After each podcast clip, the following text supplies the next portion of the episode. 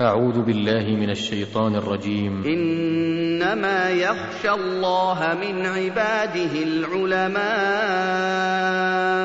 العلماء. أهل الفضائل والمكاسب. بهم حفظ الدين وبه حفظ مجالسهم تفيد الحكمة. لا يسكتون عن حق وجبت إذاعته. بهم رفعت منارات الملة وبها رفعوا. حياتهم غنيمة. وفقد العالم. ليس موت شخص واحد. ولكنه بنيان قوم يتهدم وحضارة أمة تتهاوى. توفي إلى رحمة الله تعالى عصر هذا اليوم الثلاثاء السابع والعشرين من شهر الله المحرم لعام تسعة وعشرين وأربعمائة وألف للهجرة. فضيلة الشيخ بكر بن عبد الله أبو زيد. الشيخ العالم المحقق صاحب القلم البليغ المدافع عن حياض التوحيد الرافع لراية نصر السنة. صدى التقوى بالرياض تقدم. عبر. من حياة الشيخ. بكر. كان على ثغور كثيرة. في نشر العلم والإفتاء والتأليف والتحقيق. وهو من أكابر العلماء ومن المعروفين بالحزم والضبط والنزاهة. قلمه حسبك به من قلم. كان هذا القلم رحما ولودا لكثير من أنواع العلم. كتبه حديقة ذات ثمار متنوعة. كتب في غاية التحقيق. ألفاظ في غاية البلاغة. قلة مبنى وعظيم معنى. كلامه في غالب كتبه كلام يدل على تضلعه في اللغة العربية. يأتي أحيانا بألفاظ تحتاج إلى مراجعة. مراجعة قواميس اللغة. والذي يظهر أنه لا يتكلف ذلك لأن الكلام سلس مستقيم. قوة في المبنى. مع اختصار غير مخل. وأثر عظيم في المعنى مع عدم استطراد مخل. وهذا يدل على أن الله تعالى أعطاه غريزة في اللغة العربية. لم ينلها كثير من العلماء في وقته عبر من حياة الشيخ. بكر. معرفة الشيخ بكر لفضل المشايخ وذكره لهم بالجميل وهذا من إنصافه رحمه الله تعالى وعدله. وأثني بالثناء على شيوخي بطريق السماع واللقي والأخذ والتلقي الذي كان لي شرف التلمذة عليهم في حلق المساجد وفي الدراسات النظامية وعلى رأسهم حفيد البيت المبارك الشيخ الإمام محمد بن إبراهيم رحمه الله تعالى الذي كان له شرف التأسيس لهذه الجامعة وهذا المعهد. ومن لم يكن تلميذا له عن طريق المباشرة فعن طريق الواسطة كالعبد الفقير. لذا أراه دينا علي أن أذكره بالثناء وصالح الدعاء في كل مناسبة كهذا. جزاه الله خيرا كثيرا ورحمه رحمة واسعة. آمين. عبر من حياة الشيخ بكر. الاستفادة من كل أحد. تجد الشيخ بكر رحمه الله تعالى في مصنفاته يذكر بأن الفائدة هذه نبه عليها بعض أهل العلم. عبر عبر تعطيه فائدة فيتشكر منه ويعطيك مئة فائدة ولا تشعر بأنه أعطاك إياه مدافع عن التوحيد. والسنة والغير عليه التحذير من البدع. فقه واقع الأمة. طفل الأنابيب والتأمين وبطاقة التخفيض وحكم الانتماء إلى الفرق والأحزاب والجماعات الإسلامية ومعجم المناهي اللفظية وأدب الهاتف. تواضع مع ما وصل إليه الشيخ بكر اشتهار كتبه وتشوق كثير إلى أن يجالسه. وهذا منهج السلف الصالح عليهم رحمة الله. وإنني ولله الحمد في هذا الجانب وفي سائر مباحثي من هذه الرسالة. قد تلطفت في العرض والتعقب فاشتدت رهبتي من لفظ نصف بلاء العالم منه وهو لفظ أنا ونا ونحوهما فلذا ضيقت الخناق على هذه الألفاظ حتى لا يرى لها الناظر أثرا إذ هي من هجنة الأفكار والعقول وهذه والله أعظم من هجنة النسب وإطرافه. ولذا فقد تباعدت عن هذه الألفاظ مناقشتنا ترجيعنا قولنا اختيارنا. إلى آخر تلكم الأنانيات الثقيلة التي لا يقبلها العقلاء ولا يمتطي صهوتها الفضلاء. موته وجنازته. منذ أن ترامت الأنباء إلى مسامع الناس بموت الشيخ بكر ولعل الكثير منكم قد رأى تلك الجموع ومن رأى كثرة الجموع والزحام يتذكر كلمة الإمام أحمد. بيننا وبينكم يوم الجنائز. أسأله جل وعلا أن يتغمد الشيخ بكرا وأن يجعل مستقره من حياة الشيخ بكر. عبر من حياة الشيخ بكر بن عبد الله أبو زيد. محاضرة لفضيلة الشيخ عبد العزيز ابن محمد السدحان. ألقيت هذه المحاضرة في يوم الجمعة الثامن من شهر صفر لعام تسعة وعشرين وأربعمائة وألف للهجرة. السلام عليكم ورحمة الله وبركاته. الحمد لله رب العالمين وصلى الله وسلم وبارك على رسول الله أما بعد. تراجم العلماء والنظر في سيرهم وآثارهم نوع من أنواع العلم. بل قد قال الإمام أبو حنيفة رحمه الله فيما معناه بأن النظر في أخبار الرجال أحب إلي من كثير من الفقه. ولعل مراده رحمه الله أن النظر في السير والتراجم والأخبار مما يورث الهمة ويقوي العزيمة ويجعل طالب العلم القارئ يحتذي حذو أولئك الأفذاذ من أهل العلم من مفسرين وقراء ومحدثين وفقهاء. والناظر في فهارس المكتبات الإسلامية يرى ما لا يحصيه ديوان كاتب من كتب التراجم المتنوعة. فهناك تراجم مفردة كمناقب الإمام أحمد لابن الجوزي. وكمناقب الإمام مالك للزواوي. وكمناقب الإمام أبي حنيفة للمكي والصيمري. وكمناقب الإمام الشافعي للبيهقي والرازي وابن كثير وغيرهم. ومن عناية أهل العلم بالتراجم التفنن والتنوع في تصنيف التراجم. فما سبق من التراجم المفردة. وهناك تراجم تعنى بمذهب معين كطبقات الحنابلة للقاضي ابن أبي يعلى وذيل عليها ابن رجب. وكطبقات الشافعية للسبكي. وكالفرائد البهية في تراجم الحنفية للقرشي وشجرة النور الزكية في تراجم المالكية. وهناك تراجم تعنى بقطر معين كتاريخ بغداد للخطيب البغدادي وتاريخ دمشق لابن عساكر وتاريخ حلب لابن العديم. وهناك كتب تعنى بتراجم جمع من أهل العلم عنوا بفن معين. ففي تراجم القراء كتاب للإمام الذهبي رحمه الله تعالى معرفة القراء الكبار. وكتاب في طبقات المفسرين. للداودي وكتاب آخر في الفن نفسه للإمام السيوطي. وهناك طبقات المحدثين وأخبار المحدثين إما عموما أو إلى قطر معين ككتاب ابن ناصر الدين. وهناك تراجم خاصة للحفاظ ككتاب الإمام الذهبي تذكرة الحفاظ وذيل عليه ابن فهد. وهناك تراجم لنوع معين من الرواة كرواة الحديث. فهناك الكمال للمقدسي وتهذيبه للمزي. ثم بعدهم تهذيب التهذيب لابن حجر ثم أيضا تقريب التهذيب لابن حجر. وكتاب ميزان الاعتدال في نقد الرجال للإمام الذهبي وكتاب الجرح والتعديل للإمام الرازي وكتاب ديوان الضعفاء والمتروكين وخلق من المجهولين وثقات فيهم لين للإمام الذهبي. وهذا الأمر يطول. ولكن المراد ذكر شاهد من عناية أهل العلم بأخبار التراجم.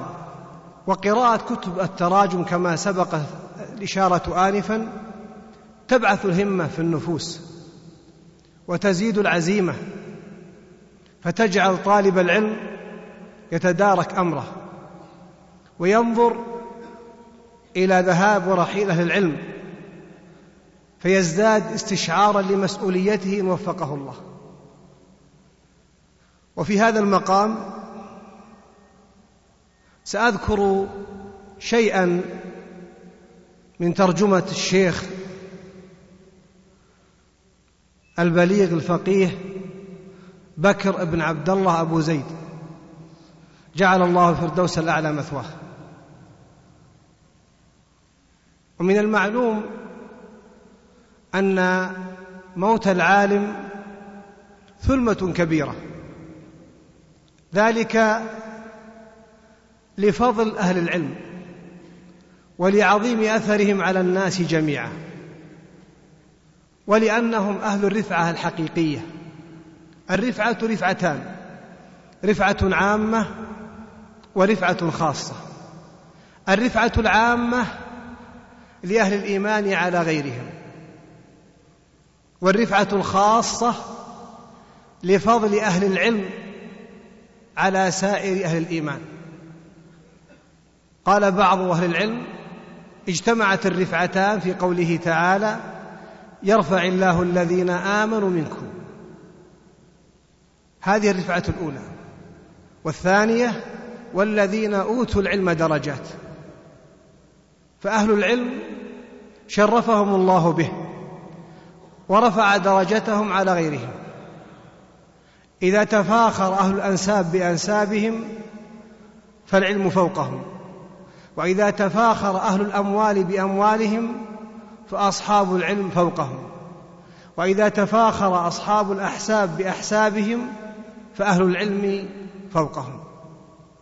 وهذه رفعة حقيقية. ولهذا جاء فضلهم في آيات كثيرة. يقول ابن القيم رحمه الله تعالى في ذكر فضل أهل العلم لو لم يكن من فضلهم إلا أن الله استشهدهم مع نفسه وملائكته دون غيرهم من الناس شهد الله أنه لا إله إلا هو والملائكة وأولو العلم. ولم يأمر الله نبيه عليه الصلاة والسلام بالزيادة من شيء إلا من العلم وقل ربي زدني علما. جعلهم الله مخرجا من الفتن. قال الذين أوتوا العلم إن الخزي اليوم والسوء على الكافرين. أدرى الناس بمخارج الفتن. وأما في السنة فقد صنف غير واحد من أهل العلم مصنفات مستقلة في فضل أهل العلم. فهناك كتاب الاجري أخلاق العلماء وهناك كتاب الخطيب البغدادي شرف أصحاب الحديث وكتب أخرى كثيرة. ومن ثناء النبي عليه الصلاة والسلام على أهل العلم أن جعل فضلهم كفضل القمر على سائر الكواكب. فضل العالم على العابد كفضل القمر على سائر الكواكب. ذكر ابن القيم رحمه الله تعالى كلاما في كتابه مفتاح دار السعادة مفاده حول هذا الحديث أن الكوكب له ضوء لكن ضوءه ضعيف. يضيء حول نفسه. أما ضوء القمر فيعم الدنيا بأسرها. وهكذا العابد له نفع ولكن نفعه يسير على نفسه وعلى آل بيته وقد يزيد. أما العالم فنفعه عام في حياته وبعد مماته. من فضل أهل العلم أنه يستغفر لهم من في السماوات.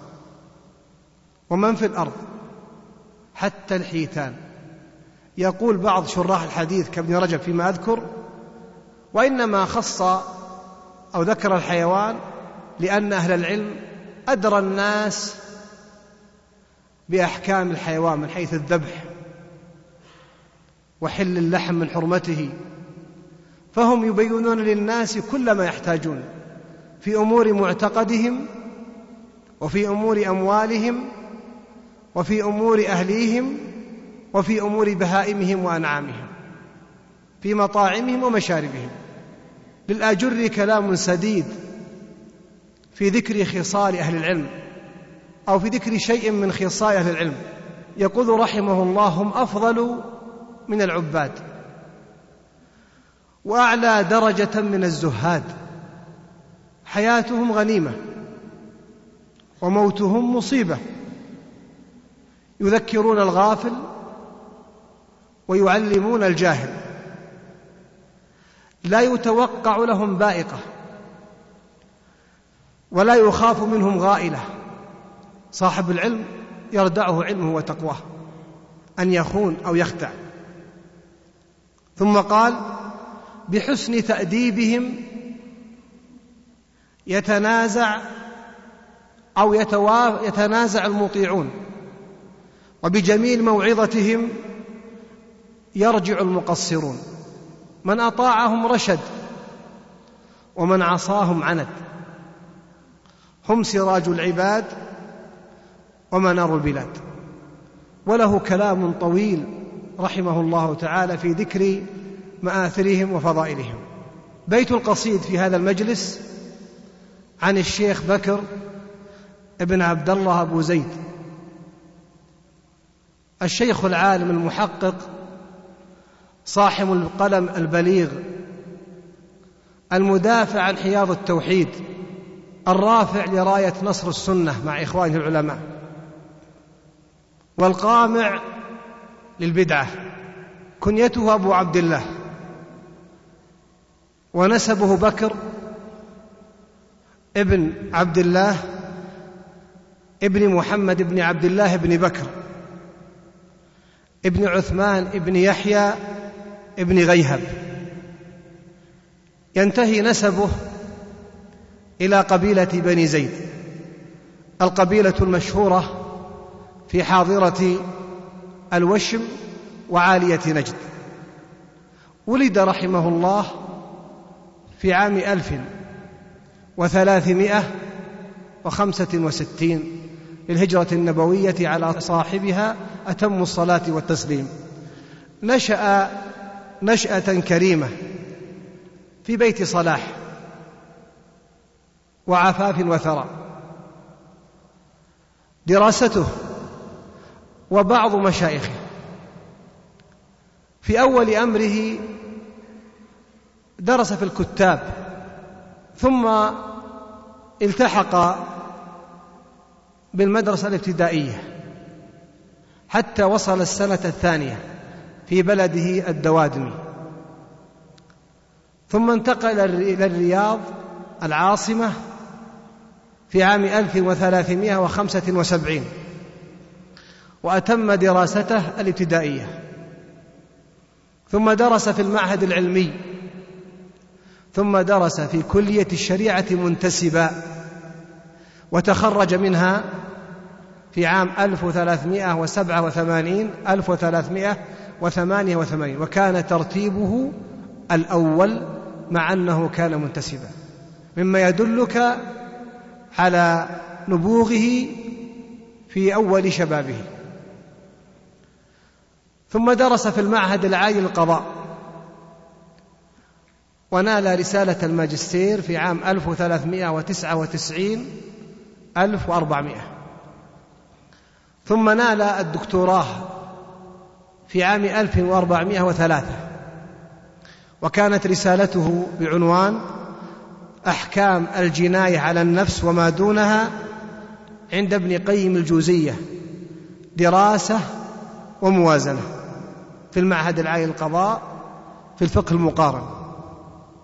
وكان أحد المناقشين له العلامة الفقيه الشيخ صالح الفوزان حفظه الله تعالى.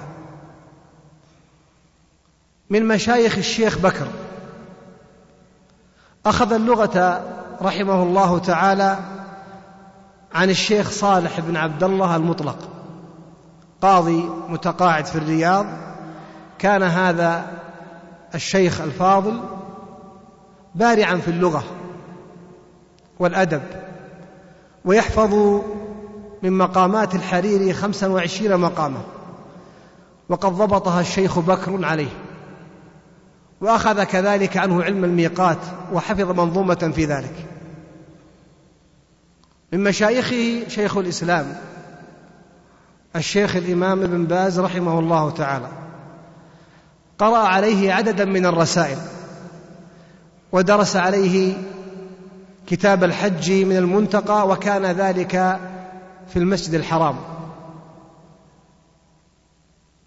ومن مشايخه أيضا الشيخ المفسر البليغ الشيخ محمد الأمين الشنقيطي صاحب أضواء البيان.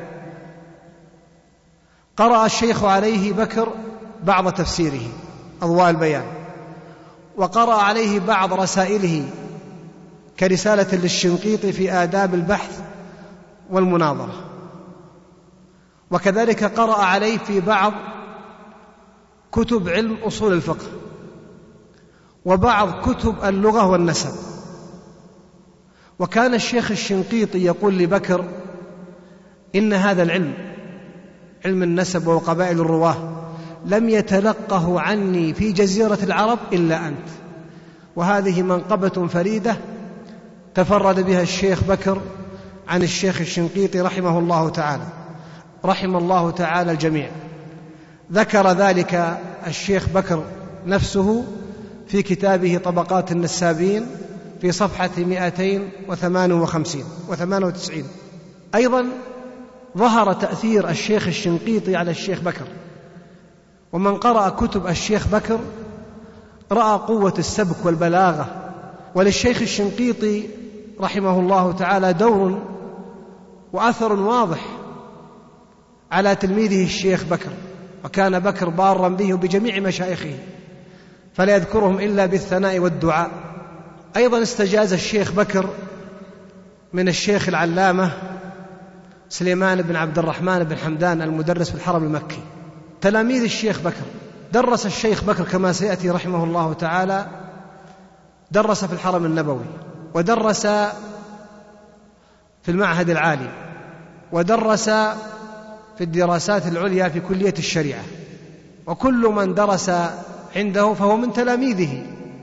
وأوسع من ذلك وأعظم كل من استفاد من كتبه فقد يعد من تلاميذه حكما.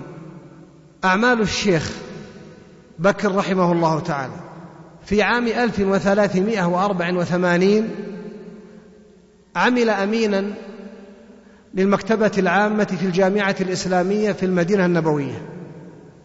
وفي عام 1388 اختير للقضاء فعمل قاضيا في محكمة المدينة الكبرى ومكث فيها إلى عام 1400 للهجرة. وفي عام 1390 عين مدرسا في الحرم النبوي.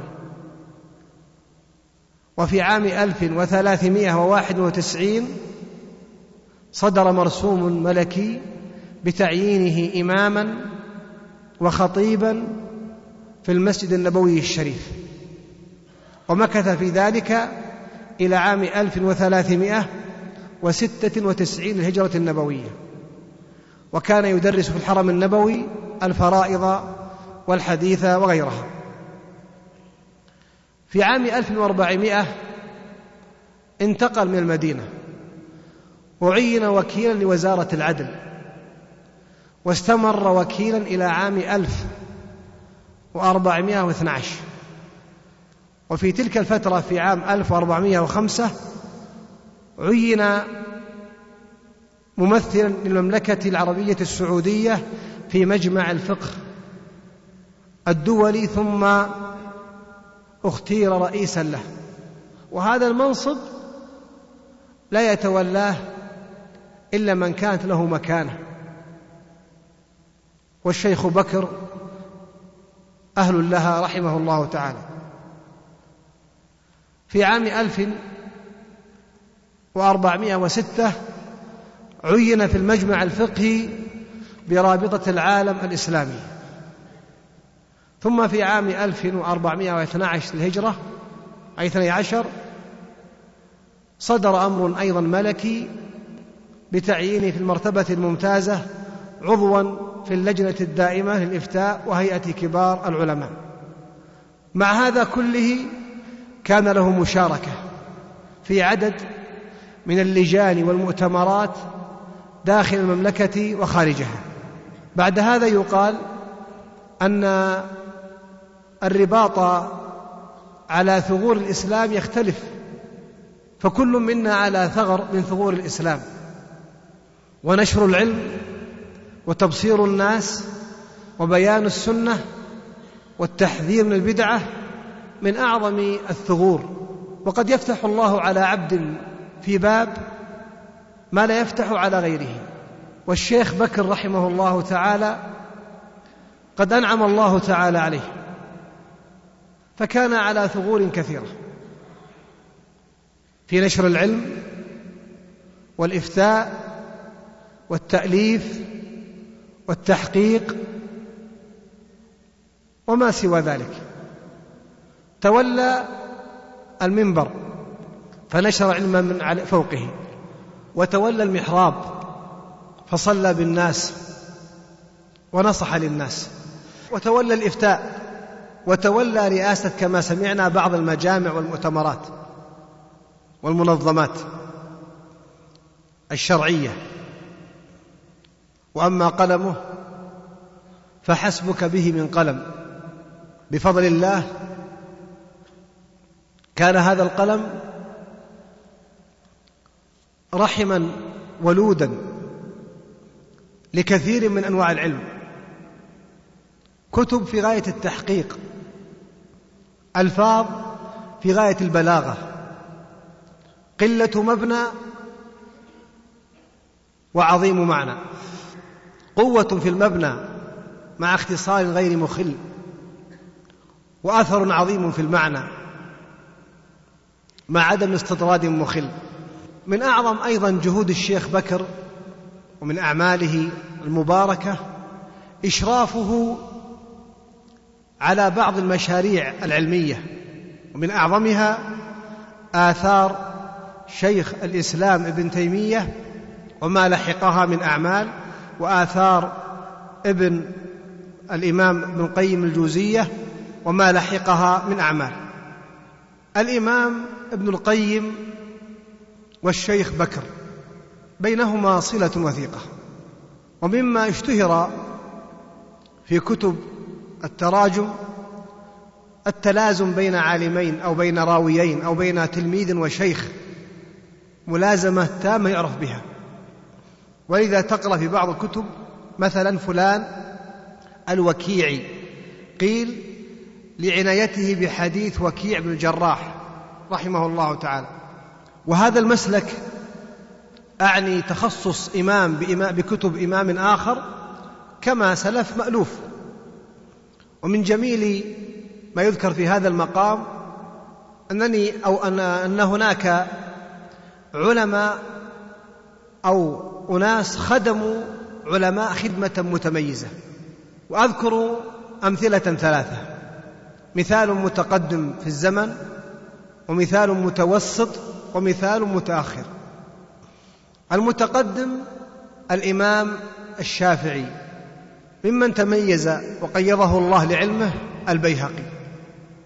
حتى قال الإمام الجويني فيما أذكر لكل شافعي بعد الشافعي للشافعي عليه المنة إلا البيهقي فإن المنة عليه للشافعي لأنه نشر كتبه. ونصر مذهبه. فقد عني الإمام البيهقي رحمه الله تعالى عناية تامة بعلم الشافعي. وهذا أمر مشهور عند الشافعية بخاصة وعند غيرهم بعامة. أما الإمام المتوسط في زمنه فالإمام شيخ الإسلام ابن تيمية رحمه الله تعالى. فقد قيض الله له الشيخ عبد الرحمن ابن محمد ابن محمد ابن قاسم. الشيخ ابن قاسم رحمه الله تعالى خدم علم شيخ الإسلام فبفضل الله تعالى ثم بجهد الشيخ عبد الرحمن قرب الله ما كان بعيدا وجمع الله ما كان متفرقا وطبع ما كان مخطوطا. وأما في الزمن المتأخر فالإمام الشيخ ابن باز رحمه الله تعالى قيض الله له الشيخ الدكتور محمد بن سعد الشويعر فعني بفتاوى الشيخ بإذن الشيخ قراءة توثيقا فأخرج الله هذه الفتاوى مقروءة على صاحبها بعناية الشيخ الشويعر وفقه الله تعالى وجزاه الله خيرا. يلحق بشيخ الإسلام ابن تيمية رحمه الله تعالى تلميذه البار الإمام ابن القيم رحمه الله تعالى. فممن قيض له وتميز به الشيخ بكر. فالشيخ بكر رحمه الله تعالى عني بعلوم هذا الإمام. وله كتب كثيرة خاصة بابن القيم رحمه الله تعالى. وقد سمعنا انفا أن رسالته الدكتوراه أيضا متعلقة بهذا الإمام. رحم الله الجميع.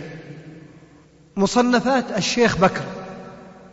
الكتاب عنوان على صاحبه. وكما قيل من صنف فقد عرض عقله على الناس في طبق. لأن الكتاب يكشف مقدرة صاحبه العقلية والعلمية. وكتب الشيخ بكر مما أو مما اشتهرت وسارت مسير الشمس وتلقفتها الأيدي. بل كان طلاب العلم أهل العلم يتشوقون لما يصدر. وذلك لما تميزت به تلك المؤلفات من الخصائص. ومن الطرائف أني قابلت الشيخ بكر مرة في معرض الكتاب في الرياض. فسلمت عليه وقبلت رأسه وقلت يا شيخ كيف رؤيتك للمعرض؟ فقال فيه كثير منفوخ ولكن ليس فيه روح. بمعنى الكلمة هذه أي فيه كتب حشوها أكثر من فائدتها. ولهذا ترى كما ستسمع الآن أن من خصائص أو أن هذه الخصلة تخلو منها جميع كتب الشيخ بكر. فمن صفات كتب الشيخ بكر ومن أميزها فيما يتعلق بالمعتقد تعظيم شأن السنة وأهل السنة والتحذير المتكرر دون إملال من أهل البدع. من خصائصها قوة السبك اللفظي. وإن شئت فقل جزالة المعنى وبلاغة المبنى. ثالثا لغة العلم. بعض الناس إذا تكلم ترى أو تسمع في كلامه لغة العلم. وإذا كتب تقرأ في كتابته لغة أهل العلم.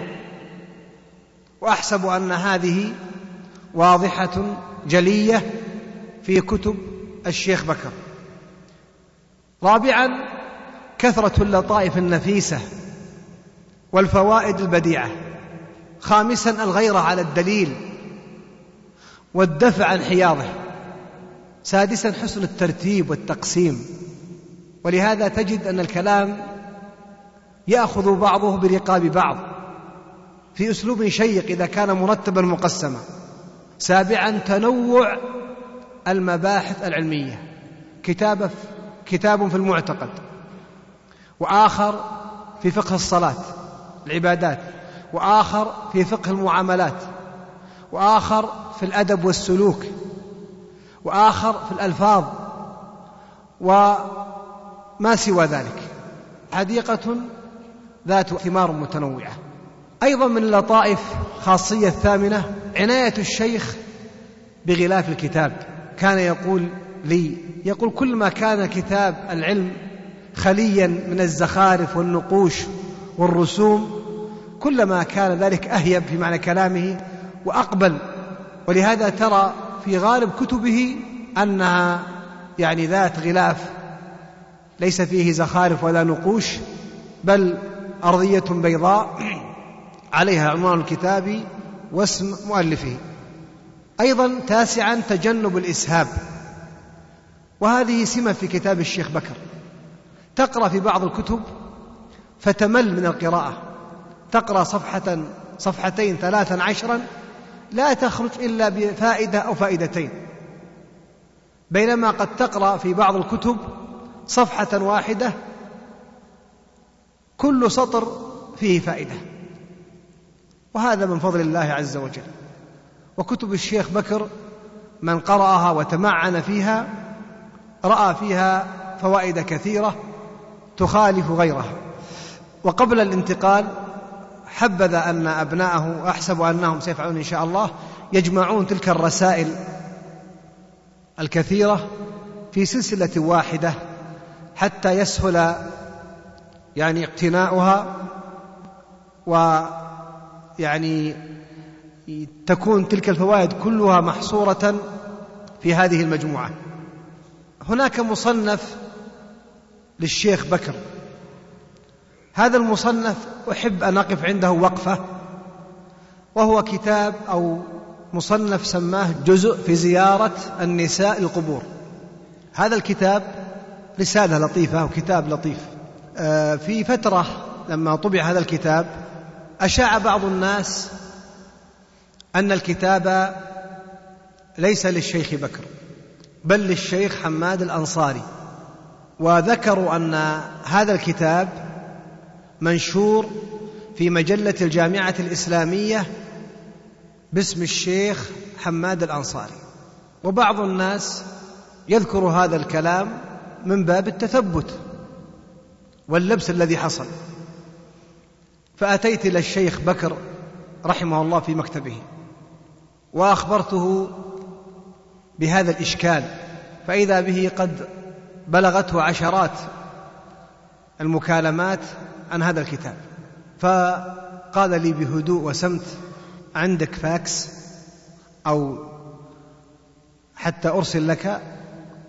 فقلت سآتيك غدا.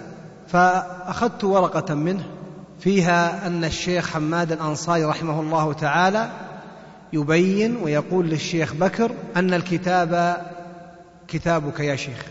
وقد جاء الشيخ حماد بعض الصحفيين من المجلة لينشروا مقالات ورسائل له فأشار إلى بعض رسائله وكان من ضمنها هذه الرسالة التي أعطاها الشيخ بكر حماد ليقرأها. فنشرت باسم الشيخ حماد ثم بين الشيخ حماد أن الرسالة أخذت خطأ وإلا فالاصل فهي للشيخ بكر على الشيخين رحمة الله تعالى. ذكرت هذا لفائدة وهي إحسان الظن بأهل العلم وعدم التسرع في تخطئتهم وأشنع من ذلك الفرح بالشماتة بهم.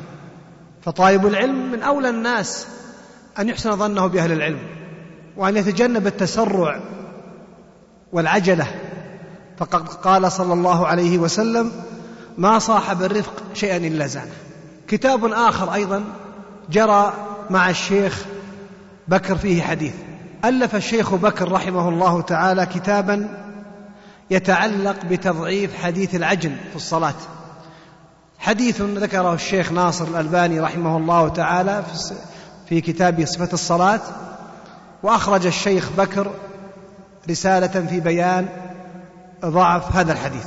إذا قرأت كلام الشيخ بكر ترى ادبا في الحوار ادبا في النقاش كما هي سمة أهل العلم.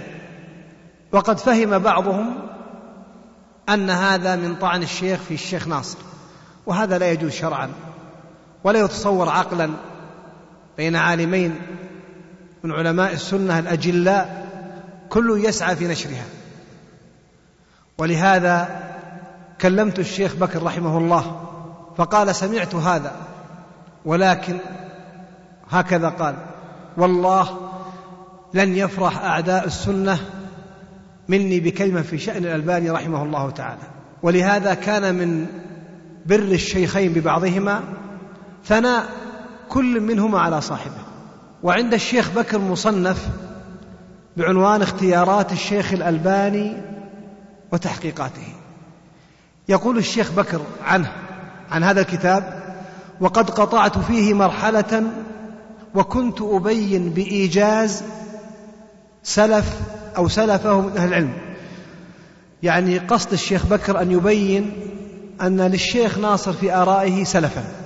ثم قال وقصدي تقريب فقه الدليل من ناحية وإحباط المقولة الشائعة عنه عن الشيخ ناصر أنه ليس فقيها أو أن لديه شذوذ أو أنه لديه شذوذ في الرأي.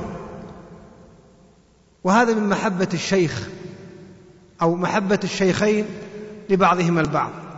ولهذا من جميل كلام الشيخ بكر لما ذكر بعض الطعن في الشيخ الألباني من بعض الطاعنين في الشيخ ناصر قال الشيخ بكر في كلام ذهبي وهذا عين التجاهل وغمط الناس أشياءهم بغير حق وارتسام علمية الألباني في نفوس أهل العلم ونصرته للسنة وعقيدة السلف ونصرته للسنة وعقيدة السلف أمر لا ينازع فيه إلا عدو جاهل. ولهذا كان الشيخ ناصر يثني على الشيخ بكر وكان الشيخ بكر يثني ويستفيد من كتب الشيخ ناصر على الجميع رحمة الله. مما حدثني به الشيخ بكر لما دخلت عليه في مكتبه في أول أمره في الإفتاء. رأيته قد وضع أوراقا أو دفترا على مكتبه. وكان يقول وهو يتبسم ضاحكا إن أسئلة الناس فتحت لي أبوابا من الخير وذكرتني بعض ما قد نسيت فهذا سؤال في كذا وهذا سؤال فتح علي باب كذا ثم رأيت عنده مجموعة من الأوراق قد علق فيها بعض التعاليق. وهذا الأمر مشهور عند أهل العلم. في فتاوى الشيخ بن سعدي رحمه الله تعالى سأل الشيخ سائل فقال في ضمن سؤله لقد أكثرنا عليك يا شيخ. فأجاب الشيخ بما معناه أن المنة لكم علي. لماذا؟ لأن السائل يفتح بعض المغالق. قال ابن عباس في أو غيره لولا السائل لذهب نصف العلم. كم من مؤلف ألف كتابا بسبب سؤال سائل. هناك مؤلفات كثيرة.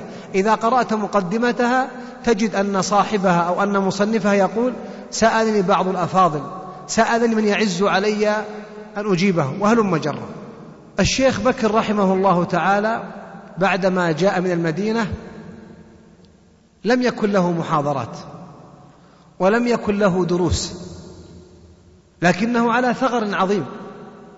وقد زرته في بيته رحمه الله وقلت له لما لا تشارك يا شيخ بكر في هذه المحاضرات؟ أو يكون لك درس؟ فامتنع. فقلت له سأكلم الشيخ عبد العزيز بن باز حتى يأمرك.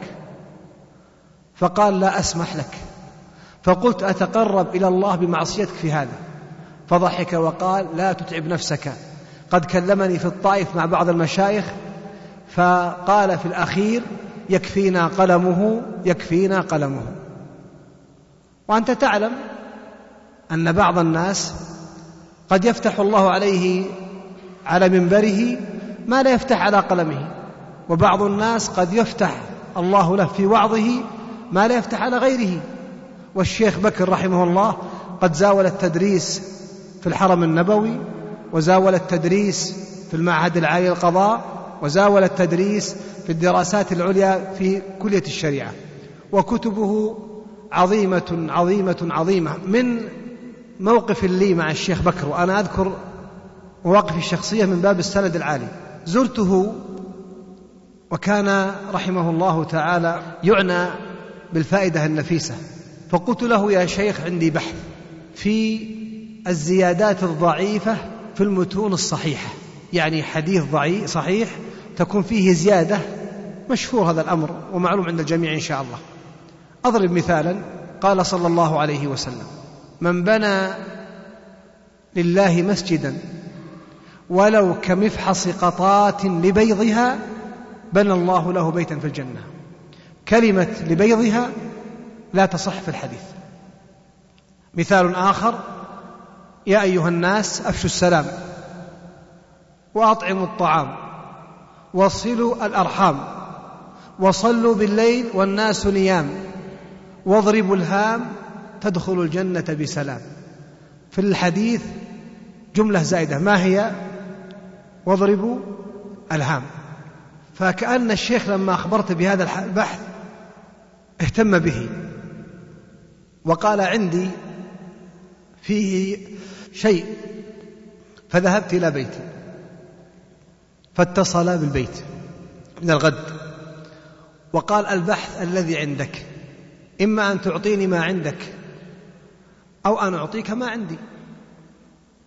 فقلت يا شيخ قد يخرج كتاب أو يخرج أو يكتب مؤلفان كتابين بعنوان واحد وأنا لست في مقامك بل من تلاميذك ولكن هذا البحث أنا سأستمر فيه. فقال رحمه الله بزجر كان يداعبني اسمع كم عندك أو كم قد جمعت من زيادة؟ فالأكثر يعطي صاحب الأقل الأقل يعطي الأكثر. قلت كم عندك يا شيخ بكر؟ قال كم عندك أنت؟ فقلت يا شيخ أنا سألته قال أنا أكبر منك. كم عندك من زيادة؟ الشيخ بكر ذكي. وله ألف مخرج وأنا مسكين. فذكرني الله حديث إن لله تسعة وتسعين اسما. وهذا العدد لا يفيد الحصر. أن تقول عندي درهم صحيح قد يكون معك عشرة. فتقول أملك درهما لكن لا تنفي غيره. الذي جمعته تلك الساعة خمس وسبعين زيادة. فقلت يا شيخ عندي خمسة عشر. فقال مسكين عندي مثلها وزيادة. عندي خمس وثلاثين. قلت الحمد لله يا شيخ. عندي ضعفك وزيادة عندي خمس وسبعين. فقال تعال. فأتيت في الليل في منزله رحمه الله وأعطاني بعض الزيادات وقال الباقي معلقه فأعطاني تقريبا علق خمس أو ست وقال الباقي يحتاج إلى جمع. فقلت يا شيخ كتب الشيخ ناصر كلها قد جردتها وأخذت ما فيها. وكنت في نيتي أن يقدم له الشيخ لكن رحمه الله تعالى. موت الشيخ وجنازته. قال الإمام أحمد كلمة عظيمة وهي بيننا وبينكم يوم الجنائز. منذ أن ترامت الأنباء إلى مسامع الناس بموت الشيخ بكر في يوم الثلاثاء السابع والعشرين من شهر الله المحرم لعام 1429 الهجرة النبوية. بيته لا يوصل إليه بسهولة وبخاصة أن كثير من الناس لا يعرفه. والمسجد بعيد نسبيا عن بيته. ومع هذا كله ولعل الجميع أو لعل الكثير منكم قد رأى تلك الجموع. حتى أنني سمعت بعدما انتهت صلاة الجنازة عليه قول بعضهم الذين ما صلوا أكثر من الذين صلوا. ومن رأى كثرة الجموع والزحام يتذكر كلمة الإمام أحمد رحمه الله تعالى. من العبر في سيرة الشيخ بكر رحمه الله تعالى. معرفة الشيخ بكر لفضل مشايخه وذكره لهم بالجميل. وهذا من إنصافه رحمه الله تعالى وعدله. وكلما كان التلميذ بارا بشيخه حيا وميتا فاعلم أن ذلك ممن نفعه الله بالعلم. ثانيا الاستفادة من كل أحد. تجد الشيخ بكر رحمه الله تعالى في مصنفاته يذكر بأن الفائدة هذه نبه عليها بعض أهل العلم واستفاد من كتاب كذا ومن كتاب كذا وقد يكون بعض ممن ذكرهم في عمر أولاده أو إخوانه الصغار. وقد يقول قال وماذا في هذا؟ الجواب أن بعض الناس قد يستثقل أن يذكر من هو أصغر من السن أو علما. والإنصاف عزيز. ثالثا البعد عن الشهرة. مع ما وصل إليه الشيخ بكر واشتهار كتبه وتشوق كثير إلى أن يجالسه إلا أنه كان بعيدا عن ذلك. وهذا منهج السلف الصالح عليهم رحمة الله. كان بعض السلف إذا مر مع طريق ورآه الناس رجع من طريق آخر حتى لا يعرف.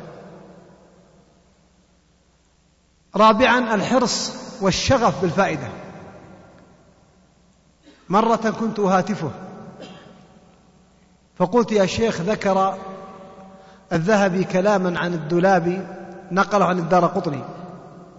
فائدة فيها تحريف في الكلام.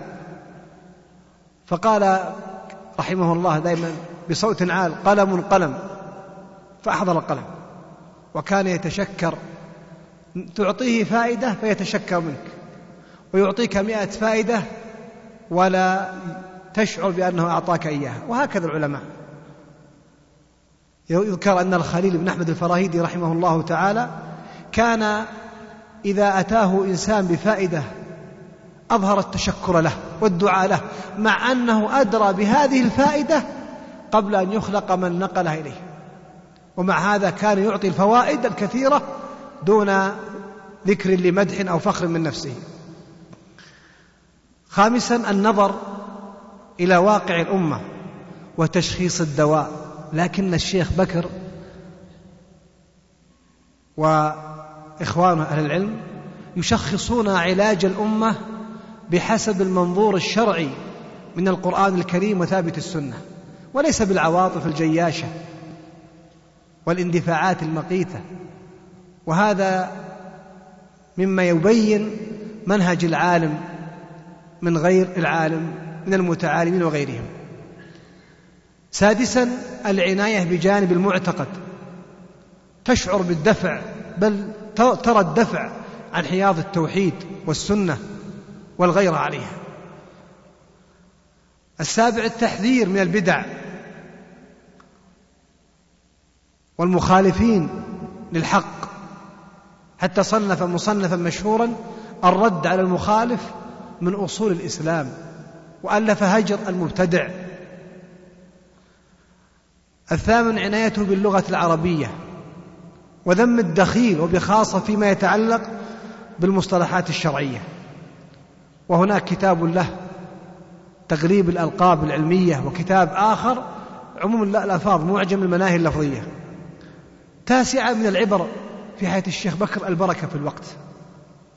مع مشاغل الوظيفية مع مشاغله الوظيفية الكثيرة ومع حضوره المؤتمرات وسفره إلا أنك ترى البركة في الوقت. يصدق ذلك تلك المؤلفات التي تتوالد من رحم قلمه ما بين فينة وأخرى. عاشرا القبول لمصنفاته. القبول لمصنفاته هذا إن شاء الله من علامات الإخلاص للمؤلف. وهنا وقفة بعد موت الشيخ بكر أن يقال لطالب العلم احرص رعاك الله. على لزوم الراسخين في العلم. فهم يقبضون بسنة الله تعالى. فكم من طالب علم عض انامل يديه. عض أصابعه لفوات علماء كانوا في بلده ولكن لزهده وتلبيس الشيطان وتثبيط الزاهدين في العلم رحلوا. ولهذا عقد الخطيب البغدادي مبحثا في كتاب الرحلة في طلب الحديث سماه ذكر من رحل إلى شيخ يبتغي علو إسناده فمات قبل ظفر الطالب ببلوغ مراده. يحكى أن بعض السلف إذا أتى إلى مدينة ليروي عن شيخ ثم بلغ أن الشيخ قد مات يداخله هم وغم يعني يشعر بالخسارة والفادحة. وأيضا يقول بعض الناس ماذا أستفيد؟ أحضر عند شيخ راسخ في العلم لا أفهم لغته. ليس الحضور عند كبار المشايخ من باب فقط أن نسمع علمهم. هذه فائدة واحدة. ولكن اسمع كيف كان المتقدمون يفهمون. يقول أبو بكر المطوعي حضرت مجلس الإمام أحمد. وكان عنده ستة آلاف. خمسمائة يكتبون. والباقون يعني نسبة واحد إلى اثني عشر. الباقون ينظرون إلى فقه إلى علم إلى خلقه وسمته. ويقول آخر ولعله المطوع حضرت عند الإمام أحمد. والله ما كتبت سوادا في بياض ولكن كنت أرى أخلاقه وسمته ووقاره. فرؤية الشيخ والجلوس في حلقته فضل عن الأجر أجر الحلق وسماع العلم أن ترى أخلاق العالم. كيف يتعامل؟ كيف يربي؟ كيف يأمر؟ كيف يعلم؟ بعد هذا يقال مع موت أهل العلم فالله تعالى حافظ لدينه. وقد مات النبي صلى الله عليه وسلم والدين محفوظ. ومات الخلفاء والعلماء والدين محفوظ. وهكذا من سنة الله تعالى في أهل العلم أن يقبضون. فينبغي لطالب العلم عند موت أهل العلم أن يتدارك وأن يستشعر أن المسؤولية عليه أعظم. فهذه أمانة أداها المشايخ وبقي الحمل على طلابهم. فإذا استشعر طالب العلم هذه المسؤولية وقدرها حق قدرها وصدق في نيته وطابت طويته فتح الله عليه وبارك في عمره ووقته وقلمه. وهنا ملحظ وهو أو آه، تراجم العلماء جرت عادة بعض أهل العلم أن يترجم لنفسه. وقد صنف الشيخ بكر رحمه الله تعالى مصنفا بعنوان العلماء الذين ترجموا لأنفسهم. وقد حدثني عبد, عبد الله بن الشيخ بكر أن الشيخ بكرا رحمه الله تعالى صنف مصنفا في سيرته يعني ترجم لنفسه. وقد أخبرني الشيخ عبد الله أخبرني الشيخ عبد الله بن بكر أنه سيسعى إن شاء الله تعالى إلى نشر هذه الترجمة الذاتية. وقد كتب عبد الله بن بكر ترجمة لأبيه الشيخ بكر في مقدمة فتاوى اللجنة الدائمة. أخيرا مسرد مصنفات الشيخ بكر. أمامي فيما ذكره عبد الله بن, بن الشيخ في مقدمة اللجنة ذكر 66 مصنفة وهذه المصنفات متنوعة وفيها أشياء وهي قليلة شارك فيها الشيخ بالتحقيق وهي متنوعة تلك المصنفات. فمن ضمنها طفل الأنابيب والتأمين وبطاقة التخفيض والتقريب لعلوم ابن القيم واختيارات ابن تيمية للبرهان ابن القيم وهذا بتحقيقه وحكم الانتماء إلى الفرق والأحزاب والجماعات الإسلامية ومعجم المناهي اللفظية والتعالم وحلية طالب العلم وأدب الهاتف وكذلك مرويات دعاء ختم القرآن الكريم وكذلك أيضا طبقات النسابين وكذلك تحريف النصوص والرد على المخالف وكذلك أيضا آه، مدينة النبي صلى الله عليه وسلم رأي العين. وهذه المؤلفات إن شاء الله لعلها تخرج قريبا مجموعة في آه، سلسلة واحدة لينتفع بها القريب والبعيد ويجري أجرها على صاحبها ومن نشر ومن أعان الله بأسمائه الحسنى وبصفاته العلى. أسأله جل وعلا أن يتغمد الشيخ بكرا وأن يجعل مستقره في الفردوس الأعلى وأن يجمعنا وإياكم ووالدينا في جنات النعيم في فردوسه الأعلى. شكر الله لكم والسلام عليكم ورحمة الله وبركاته والحمد لله الذي بنعمته تتم الصالحات.